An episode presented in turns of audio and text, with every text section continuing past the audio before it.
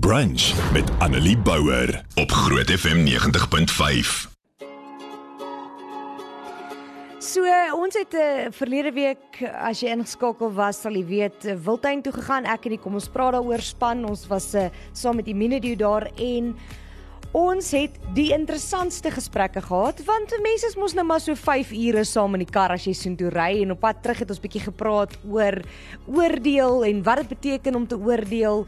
En ek het besluit om vandag hierop te fokus want daai gesprek was vir my so interessant en almal se opinies rondom dit het ek net weer besef hoe belangrik hierdie onderwerp is en hoe min ons hieroor praat. Nou ek het al in die verlede hieroor gepraat, dis iets wat my na in die hart lê. So ons gaan vandag bietjie kyk na Matteus 7 vers 1 tot 2. Jesus praat hierso, dis nou deel van die bergrede. Die bergrede is is waar Jesus vir ons praktiese wenke gee basies oor hoe om as gelowiges 'n lewe hier op aarde te lewe, hoe om naby aan God te lewe, hoe om prakties ons geloof uit te leef. So in Matteus 7 vers 1 tot 2 sê dit: Moenie oordeel nie sodat julle nie geoordeel word nie. Met dieselfde oordeel waarmee julle oor ander oordeel, sal julle geoordeel word. En met dieselfde maat waarmee julle verander meet, sal julle gemeet word. En ek het in die kar op 'n stadium gesê toe ons oor hierdie vers gepraat het, het ek gesê ek kan nie dink dat hierdie vers nie die hare in jou nek laat regop staan nie.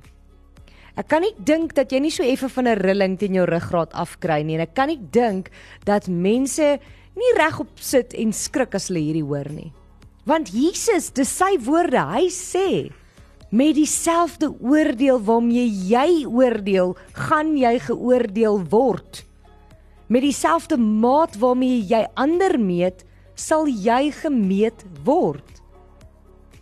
Dis skerry om te dink dat wat ek oor ander mense spreek, wat ek oor ander mense dink, waar ek ander mense oordeel en veroordeel, gaan aan dieselfde met my gebeur. Waarom tree ons nie dan met meer genade op nie?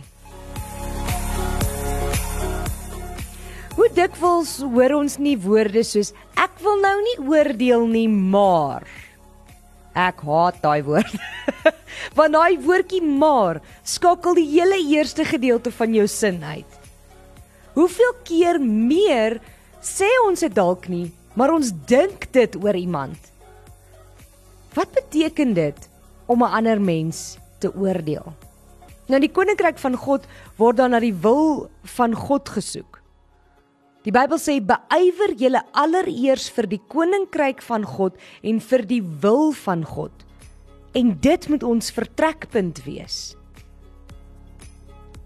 Dit beteken nie dat ek die wet gebruik as maatstaf om ander mense te evalueer nie. Glad nie. Want sodra jy op hierdie spoor begin loop, mis jy jou doel as volgeling van die Here. Ons as gelowiges is nie aangestel om namens die koning, die skepper, die Vader, die een en enigste God as regter op te tree nie. Ons is volgelinge van die koning. Jesus het dit nie teen die evaluering van ander nie, maar teen 'n uitspraak lewer oor ander. Hoeveel maal dink of self sê of het jy al gehoor mense sê iemand gaan verdoem word tot die hel of iemand gaan hel toe of iemand is nie 'n gelowige nie. Jy het nie die reg om dit te sê nie. Jesus verwag nie van ons om ander mense se sonde mis te kyk nie. Moet my nie verkeerd verstaan nie. Maar Jesus wil nie hê dat ons hulle veroordeel nie. Want sien, ons moenie vergeet dat ons self begenadigde sondaars is nie en dat alle sonde ewe groot is nie. Daai stukkie vergeet ons baie vinnig en maklik. En daarom help dit nie ons sien die splinter in iemand anders se oog raak, maar nie die balk in ons eie oog nie en dit is wat vers 3 sê. Wanneer ons dit doen, kom Jesus self met 'n woord van oordeel, want hy's die enigste een wat mag. En hy sê in vers 5: "Hy gelaar, haal eers die balk uit jou eie oog uit." Want sien, Ons gebruik dikwels die wet en dit wat ons sê is sonde van ander mense om ons eie dade te regverdig of om ons eie sondes minder te maak kleiner te maak. Want sien my sonde is ten minste nie so groot nie. Of ek doen ten minste nie dit nie. Of kyk wat doen daardie persoon. Want sien dan trek ons nou die aandag van ons eie menslikheid swakheid en sonde weg. Dan lyk ons beter en voel ons beter oor onsself. Sodat ons beter oor onsself kan voel, wys ons vinnig vinger na ander mense. Fokus liewer op jou eie verhouding met God. Op jou eie dade, op jou eie menslikheid. Groei en verbeter jouself en lewe 'n lewe van diensbaarheid, genade en liefde teenoor ander eerder as om te wil uitwys wat hulle alles verkeerd doen. Beteken dit mens praat sonde goed? Glad nie. Dit beteken net dat jy kies om in liefde en genade met ander te werk, want Jesus werk in liefde en genade met jou. En met dieselfde liefde en genade wat jy met ander werk, sal Jesus met jou werk. Want die probleem is dat ons vinnig vinger wys na mense wat ons van geen kant af ken nie, want dis maklik. Mense in wie jy nie 'n verhouding mee staan nie, mense wat jy nie ken nie, mense wat niks met jou te doen het nie. Hulle daai hulle of hy of sy wys ons vinnig vinger na. En dit is maklik. So wanneer jy in 'n verhouding met iemand staan, is dit makliker om met hulle in liefde 'n gesprek te voer nie te beklei nie, nie te oordeel nie, nie te wys wat uit te wys wat hulle als verkeerd doen nie, maar in liefde 'n gesprek te voer oor hoe hulle dade jou laat voel. Oor wat jy bekommerd is. As jy in 'n verhouding met iemand staan, sal hulle ook makliker na jou luister. As hulle jou nie ken nie, gaan jou woorde geen impak hê nie. Hulle sal makliker na jou luister as hulle jou hart ken, as hulle weet dat jy in liefde en in omgee en met genade na hulle kyk.